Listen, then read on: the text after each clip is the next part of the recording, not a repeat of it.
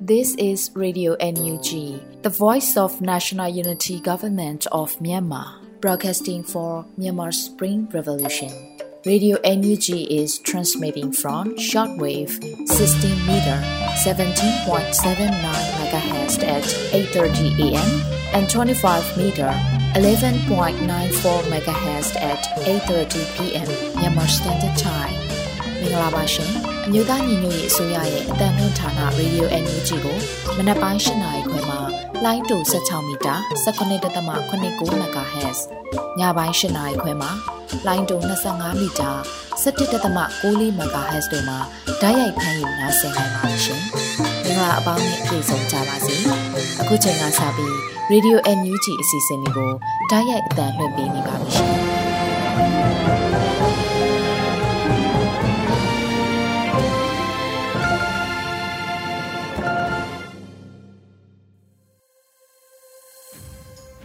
မင်္ဂလာနံနက်ခင်းပါရှင်ရေဒီယို NUG ကိုနားဆင်နေကြတဲ့မိဘပြည်သူများနဲ့မြန်မာနိုင်ငံသူနိုင်ငံသားအပေါင်းတဘာဝဘေးဆေးရနာရှင်ဘေးတို့ကနေကင်းဝေးပြီးကိုစိတ်နှပါဘေးကင်းလုံခြုံကြပါစေလို့ရေဒီယို NUG အဖွဲ့သားများကဆုတောင်းမြတ်တာပို့သလိုက်ပါတယ်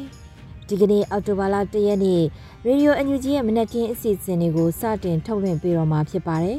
ပထမအဆုံးအနေနဲ့ကာကွယ်ရေးဝန်ကြီးဌာနရဲ့စီးရေးသတင်းအကျဉ်းချုပ်ကိုတော့ Sawdust လူနေမှာဖတ်ကြားတင်ပြပေးမှာဖြစ်ပါတယ်ရှင်။မြို့သားညီညွတ်ရေးဆိုရာကာကွယ်ရေးဝန်ကြီးဌာနမှနိုင်စဉ်ထုတ်ဝေတဲ့စည်ရေးသတင်းအချင်းချုပ်များကိုစတင်တင်ပြပေးပါတော့မယ်။သတင်းများအရရန်သူတပ်သား9ဦးသေဆုံးပြီးထိခိုက်ဒဏ်ရာရရှိသူရေးအတွက်ကိုတော့စုံစမ်းဆဲဖြစ်ကြောင်းသတင်းရရှိပါရခင်ဗျာ။စစ်ကောင်စီနဲ့တိုက်ပွဲဖြစ်ပွားမှုများမှာမကွေးတိုင်းတွင်စက်တင်ဘာလ26ရက်နေ့မနက်တနာရီ28မိနစ်မှ2နာရီ14ခန့်အထိ မင်းလာမြို့နယ်လက်ပံတကားကျေးရွာအခြေပြုရဲစခန်းကိုလူလူတော်လည်းမဟာမိတ်အင်အားစု PRA မကွေးမင်းလာမြို့နယ်ပြည်သူ့ကာကွယ်ရေးအဖွဲ့မင်းလာမြို့နယ်ပကဖမကွေးတောင်ပိုင်းပြည်သူ့ကာကွယ်ရေးအဖွဲ့မကွေးမြို့နယ်ပကဖအရှိုချင်းကာကွယ်ရေးတပ် ACDF နဲ့ Key of Revolution ပျောက်ကြားတပ်ဖွဲ့တို့ပူးပေါင်းပြီးစီးနှင်းတိုက်ခိုက်ခဲ့ပါတယ်။ရန်သူဘက်မှလက်နက်ကြီးများဖြင့်ပြန်လည်ခုခံခြင်းဆက်လက်များဖြင့်ဒရဇက်ပစ်ခတ်ခြင်းများပြုလုပ်သဖြင့်အချိန်ကြာမြင့်သည့်တိုင်စခန်းသိမ်းနိုင်မည့်အနေအထားမရှိသဖြင့်ဗျူဟာမြောက်စနစ်တကျဆုတ်ခွာခဲ့ရပါတယ်။ တိုက်ပွဲတွင်ရန်သူတပ်ဖွဲ့ဝင်9ဦးသေဆုံးပြီးမိမိတို့တပ်ဖွဲ့ဝင်အားလုံးထိခိုက်မှုမရှိပြန်လည်ဆုတ်ခွာနိုင်ခဲ့ကြောင်းသတင်းရရှိပါရခင်ဗျာ။ပဲခူးတိုင်းတွင်စက်တင်ဘာလ29ရက်နေ့မနက်9:30မိနစ်ခန့်တွင်ပေါင်းတယ်မြို့နယ်ကိုင်းကွင်းကျေးရွာအုပ်စု ကိုင်းကွင်းရွာနှင့်ထန်းကုန်းရွာကြားတွင်တိန်ကုန်းတာဝါတိုင်းအထိုင်စခန်းမှထွက်လာသောအင်အား29ဦးခန့်ပါသည့်ရန်သူစစ်ကြောင်းကိုပြည်သူ့ကာကွယ်ရေးတပ်မတော်ပြည်ခိုင်တပ်ရင်း3631တပ်ခွဲနှင့်ပေါင်းတယ်မြို့နယ်ပြည်သူ့ကာကွယ်ရေးတပ်ဖွဲ့ PPDF နှင့်စနိုက်ပါတပ်ဖွဲ့ပြည်ခိုင်တပ်ရင်း3632နှင့်တပ်ခွဲလေးတို့ကပူးပေါင်း၍ခြုံကိုတိုက်ခိုက်ခဲ့ပြီးနောက်တိုက်ပွဲဖြစ်ပွားရာနေရာအားရှင်းလင်းရေးပြုလုပ်စဉ်မပေါက်ကွဲသေးသော60မမကြီး2000အသုံးပြုပြီးသော40မမကြီးကွန်များ7.62 G အကောင့်2000နဲ့ကြီးကွန်များကိုတင်ဆက်ရရှိခဲ့ကြောင်းသတင်းရရှိပါရခင်ဗျာ စစ်ကောင်စီကျူးလွန်သောရာဇဝတ်မှုများမှာမန္တလေးတိုင်းတွင်စက်တင်ဘာလ29ရက်နေ့နေ့လယ်3နာရီခန့်တွင်မရယာမြို့နယ်ကြောက်တရားရွာသို့မန္တလေးဘက်မှလာသည့်ရန်သူကားကြီး10စီးဝင်ရောက်လာခဲ့ပြီးကြောက်တရားရွာသား၄ဦးကိုဖမ်းဆီးခဲ့ကြောင်းသတင်းရရှိပါရခင်ဗျာစက်တင်ဘာလ28ရက်နေ့တွင်မရယာမြို့နယ်မြောင်းဦးရွာသို့အင်အား80ခန့်ဖြင့်စစ်ကြောင်းထိုးလာသည့်ရန်သူတပ်များကရွာထဲရှိပြည်သူနေအိမ်များကိုမိရှို့ဖျက်ဆီးပြီးပြည်သူ30ခန့်ကိုဖမ်းဆီးထားခဲ့ကြောင်းသတင်းရရှိပါရခင်ဗျာ အခုဖော်ပြလာတဲ့သတင်းတွေကိုတော့မြေပြင်သတင်းတာဝန်ခံများနဲ့သတင်းဌာနများမှဖော်ပြလာသောအချက်လက်များပေါ်တွင်အခြေခံပြုစုထားခြင်းဖြစ်ပါတယ်ကျွန်တော်စောတဲလူနေပါ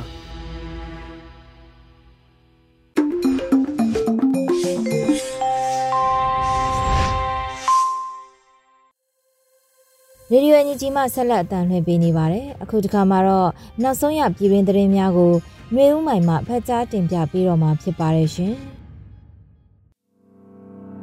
မင်္ဂလာမနက်ခင်းပါရှင်အခုချိန်ကစပြီးရေဒီယို UNG ရဲ့အော်တိုဘာလ၁ရက်နေ့မနက်ခင်းပြည်တွင်သတင်းများကိုဖတ်ကြားပေးပါတော့မယ်ကျွန်မကတော့နှွေဦးမိုင်းဖြစ်ပါတယ်ရှင်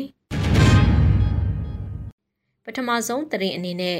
စစ်အာဏာသိမ်းမှုနဲ့ပြည်သူများအပေါ်စစ်မဲ့ပြုနေမှုများကြောင့်လူအများသည့်ရင်းနှင်းဖွဲ့အခြေအနေများကိုယနေ့တိုင်နေ့စဉ်ရင်ဆိုင်နေကြရကြောင်းတမ်မတ်ကြီးဦးကျော်မိုးထွန်းမှပြောကြားတဲ့သတင်းကိုတင်ပြပေးပါမယ်။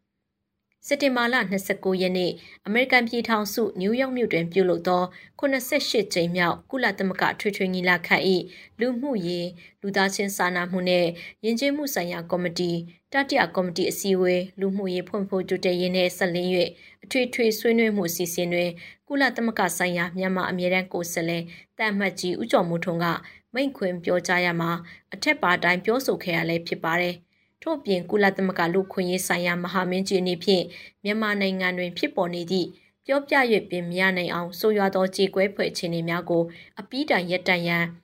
ထိရောက်ပြတ်သားသည့်အရေးယူဆောင်ရွက်ချက်များကိုလှုံ့ဆော်ရန်တောင်းဆိုထားသည်ကိုမိမိအနေဖြင့်၎င်း၏ပြောဆိုချက်ကိုအပြည့်အဝထောက်ခံကြောင်းကိုလည်းပြောကြားခဲ့ပါတယ်။မြန်မာနိုင်ငံအရေးကိစ္စသည်ပြည်တွင်းရေးမဟုတ်ကြောင်းရှုပ်ထွေးခက်ခဲလာသည့်အခြေအနေများသည်ဒေသတွင်းနိုင်ငံများသို့ရိုက်ခတ်လည်ရှိကြောင်း အဆိုပါအချက်ဒီကိုဖြည့်ရှင်းရမှာစစ်အာဏာရှင်စနစ်အားအပီးတိုင်ခြုံငင်းခြင်းနဲ့ပြစ်မှုကျူးလွန်သူများအားတာဝန်ခံမှုရှိစေရေးဆောင်ရွက်ခြင်းတို့ကသာလျှင်တခုတည်းသောနီလန်းဖြစ်ကြောင်းနဲ့နိုင်ငံတကာအတိုက်အဝန်းနေဖြင့်မြန်မာပြည်သူများအားချလှက်မထားဘဲခိုင်မာ၍ထိရောက်သောကုညီထောက်ပံ့မှုများကိုမြန်မာပြည်သူများထံသို့ပေးအပ်ရန်လိုကြောင်းကိုလည်းတပ်အမတ်ကြီးကထောက်ပြပြောဆိုခဲ့ပါတယ်ရှင်။ ဆက်လက်ပြီးကိုဝင်ဆောင်မိခင်နဲ့တနှစ်အောက်ကလေးငယ်83ဦးကို UNG အမျိုးသမီးလူငယ်နဲ့ကလေးသူငယ်ရေးရာဝန်ကြီးဌာနမှအကူအညီထောက်ပံ့တဲ့တရင်ကိုတင်ပြပါမယ်။အမျိုးသားညီညွတ်ရေးအစိုးရအမျိုးသမီးလူငယ်နဲ့ကလေးသူငယ်ရေးရာဝန်ကြီးဌာနမှကမ်ဘလိုမျိုးနယ်ရှိကိုဝင်ဆောင်မိခင်နဲ့တနှစ်အောက်ကလေးငယ်83ဦးကိုကူညီထောက်ပံ့မှုများပြုလုပ်ခဲ့ကြရလို့သိရပါတယ်။စက်တင်ဘာ28ရက်နေ့ကကမ်ဘလိုမျိုးနယ် MOWYCA တာဝန်ခံတဲ့သက်ဆိုင်ရာရက်ကျေးတာဝန်ခံများမှမြို့နယ်တွင်းမှာ၎င်းကူညီထောက်ပံ့မှုကိုဆောင်ရွက်ခဲ့ရလဲဖြစ်တယ်လို့အမျိုးသမီးလူငယ်နဲ့ကလေးသူငယ်ရေးရာဝန်ကြီးဌာနရဲ့သတင်းထုတ်ပြန်ချက်အရသိရပါဗျ။ထို့ပြင်ကမ်ဘလိုမျိုးနဲ့အတွင်းရှိစစ်ပေးရှောင်စာတင်ကျောင်းများမှကျောင်းသားကျောင်းသူများအားစာရေးကိရိယာများပေးအပ်လှူဒန်းခြင်းနဲ့အာဟာရကျွေးမွေးခြင်းများကိုလည်းပြုလုပ်ခဲ့ကြရလဲဖြစ်ပါတယ်။ ရင်းသူကူညီထောက်ပံ့မှုများပြုလုပ်ရရင်မြို့နယ်ပအားဖပလဖနဲ့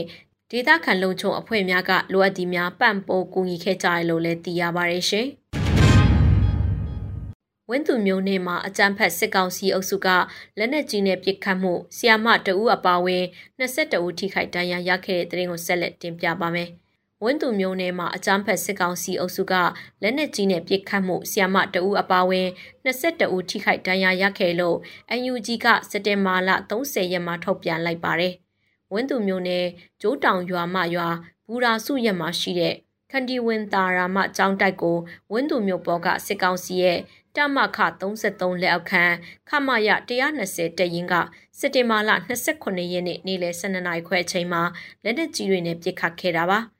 အဲ့လိုတိုက်ပွဲဖြစ်ပွားခြင်းမရှိဘဲအကြောင်းမဲ့ပြစ်ခတ်ခဲ့တာကြောင့်ဖုန်ကြီးကျောင်းနဲ့ကက်ရမှာရှိတဲ့ကျေးရွာအခြေပြုပြည်သူပညာရေးကျောင်းကစာသင်ဆောင်မှာစာသင်နေတဲ့ဆီယာမတဦးနဲ့ကျောင်းသားကျောင်းသူကလေးငယ်20ဦးလက်နက်ကြီးစထိမှန်တန်ရာရရခဲ့တာလို့ဆိုပါတယ်ဒီဖြစ်စဉ်နဲ့ပတ်သက်လို့လူခွင့်ရေးဆိုင်ရာဝန်ကြီးဌာနအနေနဲ့ပြည်သူတရက်လုံးတန်းတူညီမျှမှုရရှိရေးဂိမ်းချိုင်းရေးနဲ့တရားမျှတမှုရရှိရေးဆိုတဲ့ ဥတီချက်တွေအတိုင်းအကြမ်းဖက်စစ်အုပ်စုကိုအပြစ်ပေးအရေးယူနိုင်ဖို့အစွမ်းကုန်ဆောင်ရွက်သွားမယ်လို့အသိပေးထုတ်ပြန်ထားပါတယ်ရှင်။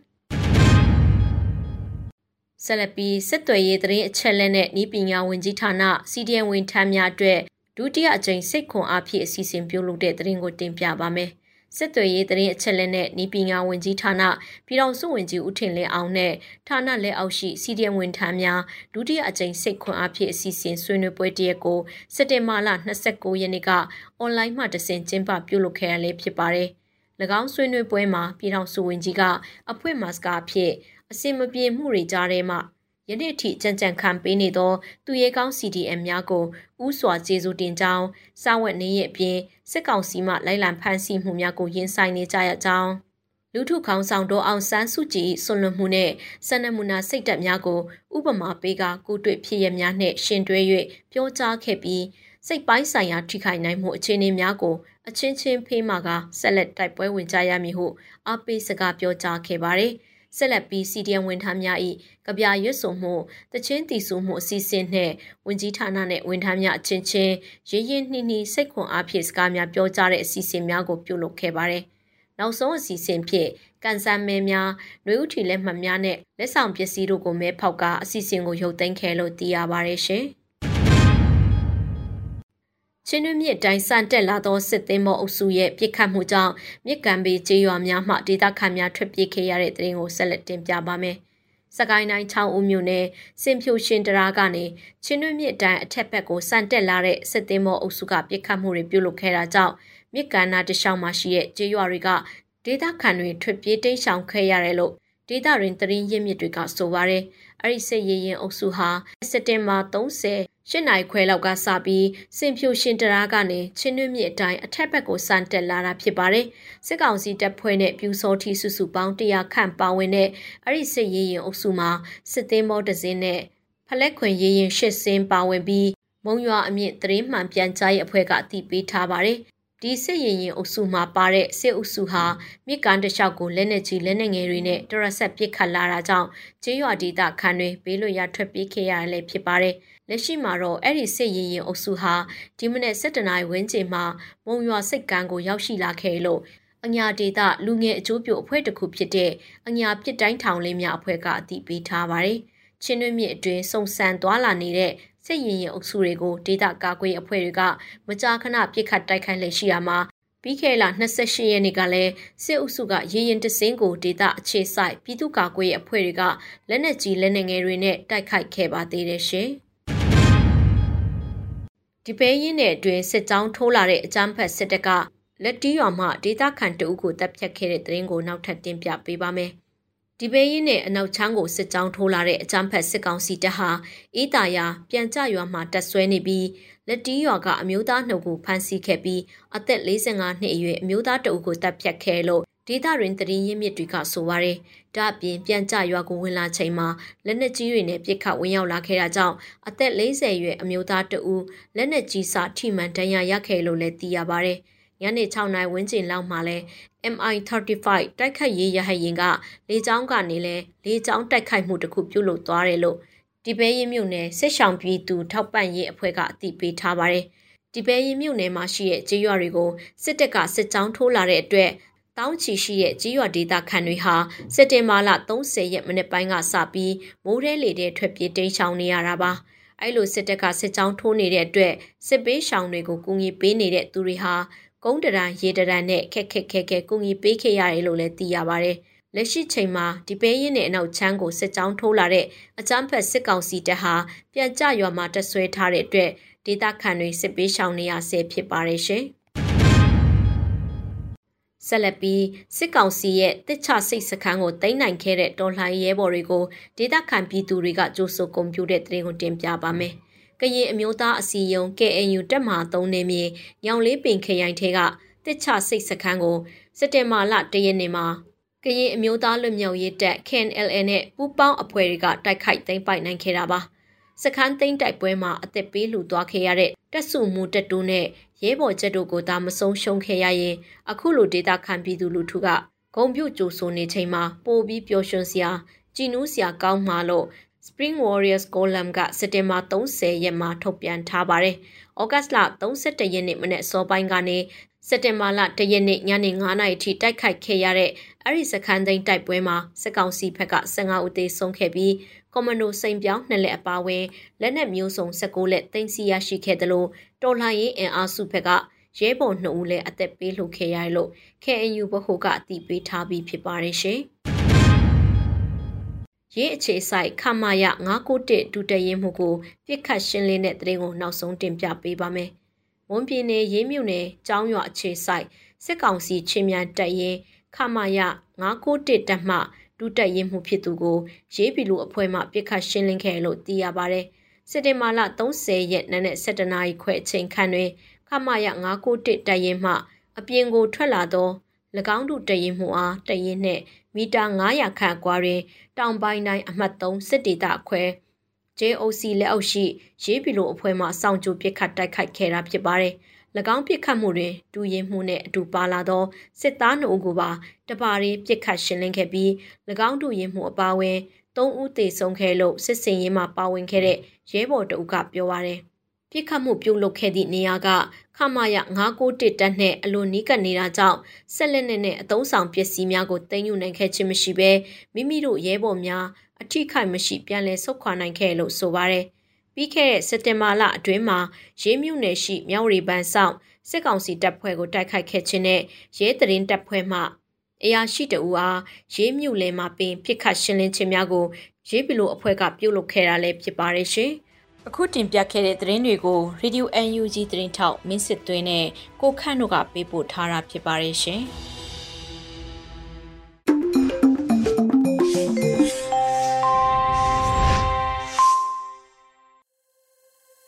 ရေဒီယို NUG ရဲ့မနက်ခင်းအစီအစဉ်တွေကိုနားဆင်နေရတာဖြစ်ပါတယ်။ဒီတစ်ခါမှာတော့တော်လန်ရေးတေဂီတာအနေနဲ့ Novan 2နဲ့ The Big Wine Twine ဂျပန် EDS တို့ရဲ့ Revolution Means လို့အမည်ရတဲ့တော်လန်ရေးတေးဂီတကိုနားဆင်ရမှာဖြစ်ပါတယ်ရှင်။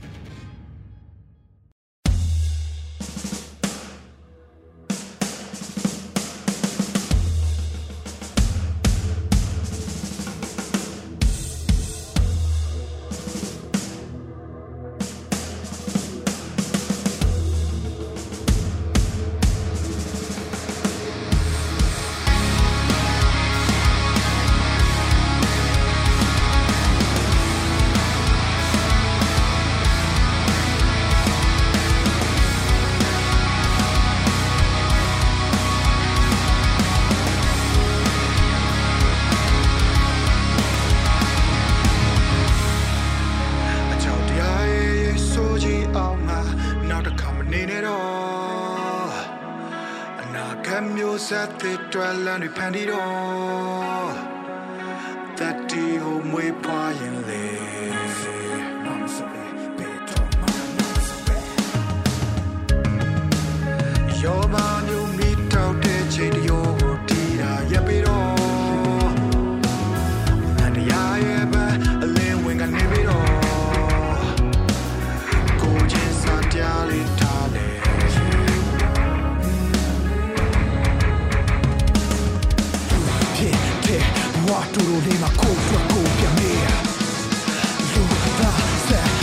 diavolo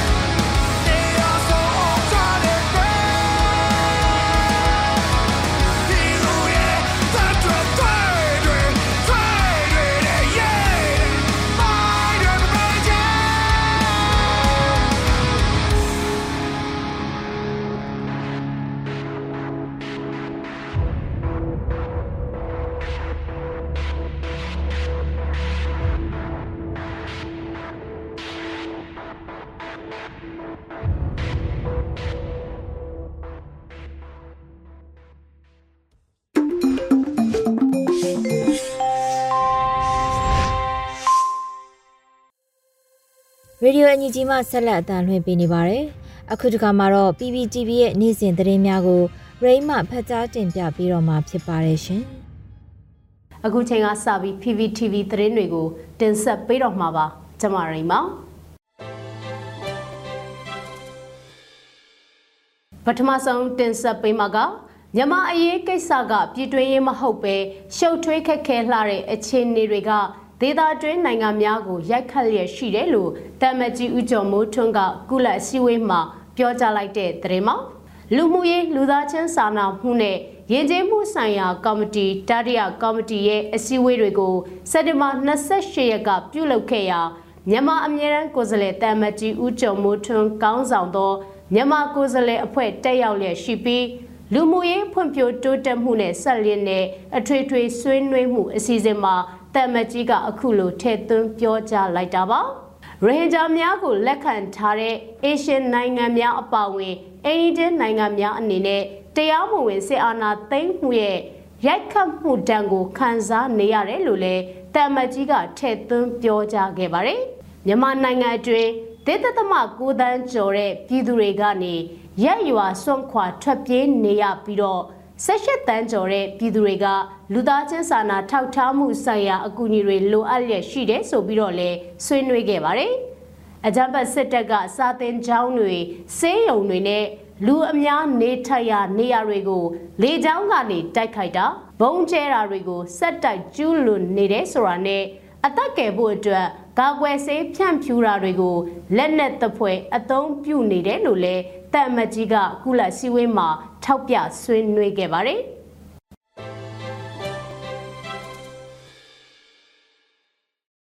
အခုတော့ TML နဲ့အကြမ်းဖက်စစ်ကောင်စီတပ်တို့နှစ်လအတွင်းတိုက်ပွဲ55ကြိမ်ဖြစ်ပွားရာအကြမ်းဖက်စစ်တပ်ဘက်ကတေဆုံးမှုများပြားခဲ့ပြီးလက်နက်ခဲယမ်းတွေရခဲ့တယ်လို့ TNL ကအသိပေးလိုက်တဲ့သတင်းကိုတင်ဆက်ပေးပါမယ်။ တောက်တပ်မတော် TNL နဲ့အကြမ်းဖက်စစ်ကောင်စီတပ်တို့ဟာဇူလိုင်23ရက်နေ့ကနေစက်တင်ဘာလ22ရက်အထိတိုက်ပွဲပေါင်း55ကြိမ်ဖြစ်ပွားခဲ့တယ်လို့ TNL ကသတင်းထုတ်ပြန်ပါတယ်။အကြမ်းဖက်စစ်ကောင်စီတပ်ကထိုးစစ်ဆင်လာလို့တိုက်ပွဲတွေတောက်လျှောက်ဖြစ်ပွားခဲ့ရာမူဆယ်၊ကွက်ခိုင်၊လာရှိုး၊ကြောက်မဲမိုးကုတ်မြို့နယ်တွေမှာ တိုက်ပွဲပြင်းထန်ခဲ့တယ်လို့ဆိုပါတယ်။အဓိကကတော့စာကားစာဘက်ကထိုးစစ်ဆင်တိုက်ခိုက်လာလို့တိုက်ပွဲတွေဖြစ်တယ်။ကျွန်တော်တို့ကတံပြန်ထိုးစစ်ဆင်တာထက်တံပြန်တိုက်ခိုက်မှုတွေပြန်လုပ်တာပေါ့။အဲ့လိုပုံစံမဲရှိတယ်။ကျွန်တော်တို့ကသွားထိုးတာမဟုတ်ဘူး။ကျွန်တော်တို့နယ်မြေမှာရှိတဲ့စစ်ရေးစစ်ရာလိုအပ်ချက်အရတံပြန်တိုက်စစ်ပြုလုပ်တာပဲဖြစ်ပါတယ်လို့ TNLA သတင်းပြန်ကြားရေးဌာနဌာနမှူးဒုဗိုလ်ကြီးတားအိုက်ကျော်က People Spring သတင်းဌာနကိုဖြေကြားထားပါတယ်။တိုက်ပွဲပဲအတိုင်းအတာထိဖြစ်မလဲဆိုတာအကြမ်းဖက်စစ်ကောင်စီရဲ့ထိုးစစ်ဆင်တိုက်ခိုက်မှုအပေါ်မှာမူတည်တယ်လို့ဒုပိုမူကြီးတာအိုက်ကျော်ကပြောပါတယ်။မနေ့ကမူဆယ်နဲ့ကွတ်ခိုင်မှာတိုက်ပွဲ၃နေရာဖြစ်ပွားခဲ့ပြီးအကြမ်းဖက်စစ်ကောင်စီတပ်ကတေဆုံးထိခိုက်မှုများပြားခဲ့ကြောင်းအကြမ်းဖက်စစ်ကောင်စီတပ်ရဲ့လက်နက်တွေကိုသိသိရရှိခဲ့ကြောင်း TNL ကသတင်းထုတ်ပြန်ထားပါတယ်။ အရင်ဖြစ်ပွားခဲ့တဲ့တိုက်ပွဲတွေမှာလည်းအကြမ်းဖက်စစ်ကောင်စီတပ်စီကလက်နက်ခဲယမ်းတွေရရှိခဲ့တာတွေလည်းရှိခဲ့ကြောင်း TNL ကထုတ်ပြန်ထားပါတယ်။နှစ်လတာတိုက်ပွဲအတွင်းမှာအကြမ်းဖက်စစ်ကောင်စီတပ်ကလေကြောင်းတိုက်ခိုက်မှုတွေပြုလုပ်ခဲ့သလိုလက်နက်ကြီးပစ်ခတ်မှုများစွာ ပြုလုပ်ခဲ့ကြောင်းလက်နက်ကြီးပစ်ခတ်ရမှာတိုက်ပွဲမဖြစ်ပဲတိုက်ပွဲမရှိတဲ့ဒေသတွေကိုပြစ်ခတ်ခဲ့လို့အယက်သားပြည်သူတေဆုံးထိခိုက်မှုများရှိခဲ့ကြောင်း TNL ကအသိပေးထားပါတယ်။ကျေးဇူးတင်ပါတယ်ရှင်။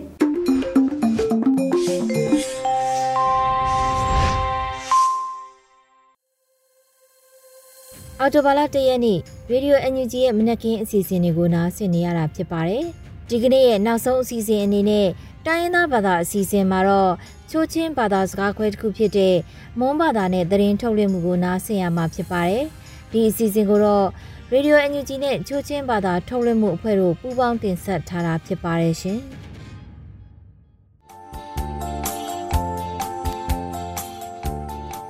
ခွေးနောက်တူနမရိုင်နော်အတူငွယ်ခုကုမ်ဖရမ်ကူလမ်ကူလိထုမ်အော်တိုဘန်ဟွိချာအငုံထူရီမိငိုင်ဘာခါနီအတူငွယ်မိငိုင်ဘ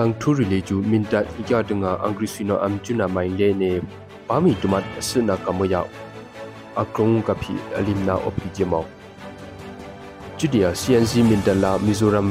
Prime Minister မင်းဟူနာအပီဂျမောမိငိုင်ဘိုင်အပကိနီမင်တတာအင်္ဂရိစီနိုအိကအောင်နာရီလာခေငလူရီ maro khana am khana opi je mong phi mi ngai ba opi ni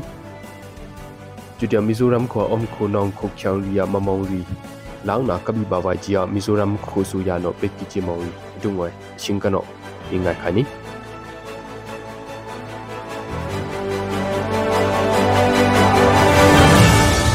min da mang ro hi lo de nga angrisino amchun shita mangle ju september phu khyam kulik khrum hup ke ne pa mi tuma siki jam hana opkini lodang azi khaya khugum khruki phlau lok ke pa mi la akrung ka ani se naka ani le ke ne akrung ka phumi le ju alimna opki gp pret ku ne agogum khruki phlau lok kia pa mi achun le ju ale na kung sine phumi le ju alimna opki gp khok khyang ri tang gano pret ku ne september phu khyam kulik khrum hup angrisino amchuna mangle ne sukia krong khui roi le chu min ta mang ro chop ping kong tang ka chi pi pre ku ni ngania sak pa mi phi angri si no priprika khong hu bri yo pung ne a pan na op ki che phi pre ku ni achuna mong ryom achuna mong ryom ba se le chu khyo se ko ra kang bum ctf min tat no li mang ro khana khu khyang ri ngai na ne me om bai angri si rion nyen ne ka me om ba chia khogum phram kulam kulik thum ang dot tang ka no tu ne aprena pri op ki ni ဘရိဘရကချာရုံပီမင်ဒမာရိုဟီယာတုံတောင်ဘူးလူလာခလာယာနိခွန်လီအနင်းလာကုံအင်္ဂရိစီယမိုင်ကိနေအခုမ်ကူတာဒုံဒဘာကေပါမီတမတ်အခုအမ်ခွန်းနာအော့ပီဂျာမနာအော့ကိနီမင်ဒတုံလေကျွတ်တူဘေစက်တမ်ဘာဖွိချာအမ်ဘရီလောတင်အင်္ဂရိစီနိုအလူလာနာဒုံလနေအင်္ဂရိစီနိုအမ်ဒီယာကျူကူဝန်ဂျစ်တုံမင်တတငါအလောနာအော့ခိုင်ဂျီပီမီပရင်နာအော့ကိနီချင်းနီရှင်နေကောင်စီမင်တတ်အင်ဝိုင်ရီလာမီဇိုရမ် Prime Minister Ming Huna of Kijia Prikwini khogum phram gulam gulek thum september phukya ang lo teng aming hujia cnc min ta teng kan oprit kuni aming hu na gung le chu mizoram khwa ro lo kia om khu no khu khyang ri mamong la khong hi ning la gung kani kiam rum tham shi mong lam ri amai vai i me ya bi vai mong ri aming thung sa na ami pres sa na op ki chia cnc min ta teng kan oprit kini mizoram khu krung le chu angri sui no nyama khu krunga khu khyang ri khana aduk deina ka phua om khu dong ne dong lok ya khyang tem ha thau om thing gi cha prit ku ni min da mang ro khanu op kia khala ya ni khun li yung angri sui no se he kyang nung ri la khyang ri am kha na op ki ja si def min da no september pu kyam kulek phing hum prit ki ni angri sui no am dia ak thai khyo khu wan chik tung min da da lok khai kya si chuna mi pom sin lo gp prasang na rili ju op ki ni min da mang ro khanu op kia khu khyang ri tang kana le ju adu bak thru angri sui no mang ro khan junga ngshung le ne akyak na dam labi ki chia ngami na li chu pret kwini ashina mong lam riong ba se li chu se ko ra ka bum ctf min dat teng kano khuk khyang ri ngai ne ne me om bai la angri siang en na yu ka me om bai chia ami pren na op kini mizoram khukrung op kia om khunong khuk khyang ria mamong ri biography ri law ba na kom khai chia mizoram khu su ya teng kano pit kini september phu khyam kulik khreng mizoram khu wan jik tung ri ming re na gung ami pren chia pi khonum tung burmese no rukini khogum phram gulam kulik thum angla thokung india khu asuya dangano mizoram khu krung of kya om khunong khu khyaria biography ri lawa ja apom zin lo na kung om khunong khu khyaria mamong ri leju achuna khinung amilam nam cho chumpi op kini ashina adukbe september phu khya krung aming re ba na kung leju om khunong myama khu khyaria mamong ri lawa na kom khajia mizoram khu suya dangano opren lo kya kini bribriga khong hum riung phi မြမခုတန်ကနလော့ကီယာ အုံခုနောင်ခုချောင်ရီဖွာခိုင်နာအုံမယလော့ခယချင်းယုံဂျုံပီနန်ဟင်းတလောက်ကခိုင်ဘာနာအော့ခဂျီယာမီဇိုရမ် Prime Minister Buzoram Thangano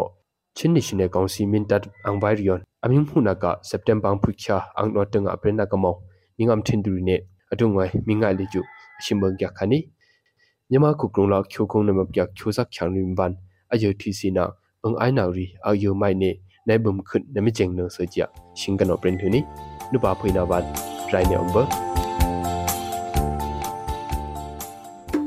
ဒီကနေ့ကတော့ဒီညနဲ့ပဲ Radio NUG ရဲ့အစီအစဉ်လေးကိုခਿੱတရနာလိုက်ပါမယ်ရှင်။မြန်မာစံတော်ချိန်မနက်၈နာရီခွဲနဲ့ည၈နာရီခွဲအချိန်တွေမှာပြန်လည်ဆုံတွေ့ကြပါစို့။ Radio NUG ကိုမနက်ပိုင်း၈နာရီခွဲမှာ လိုင်းတူ16မီတာ19.8 MHz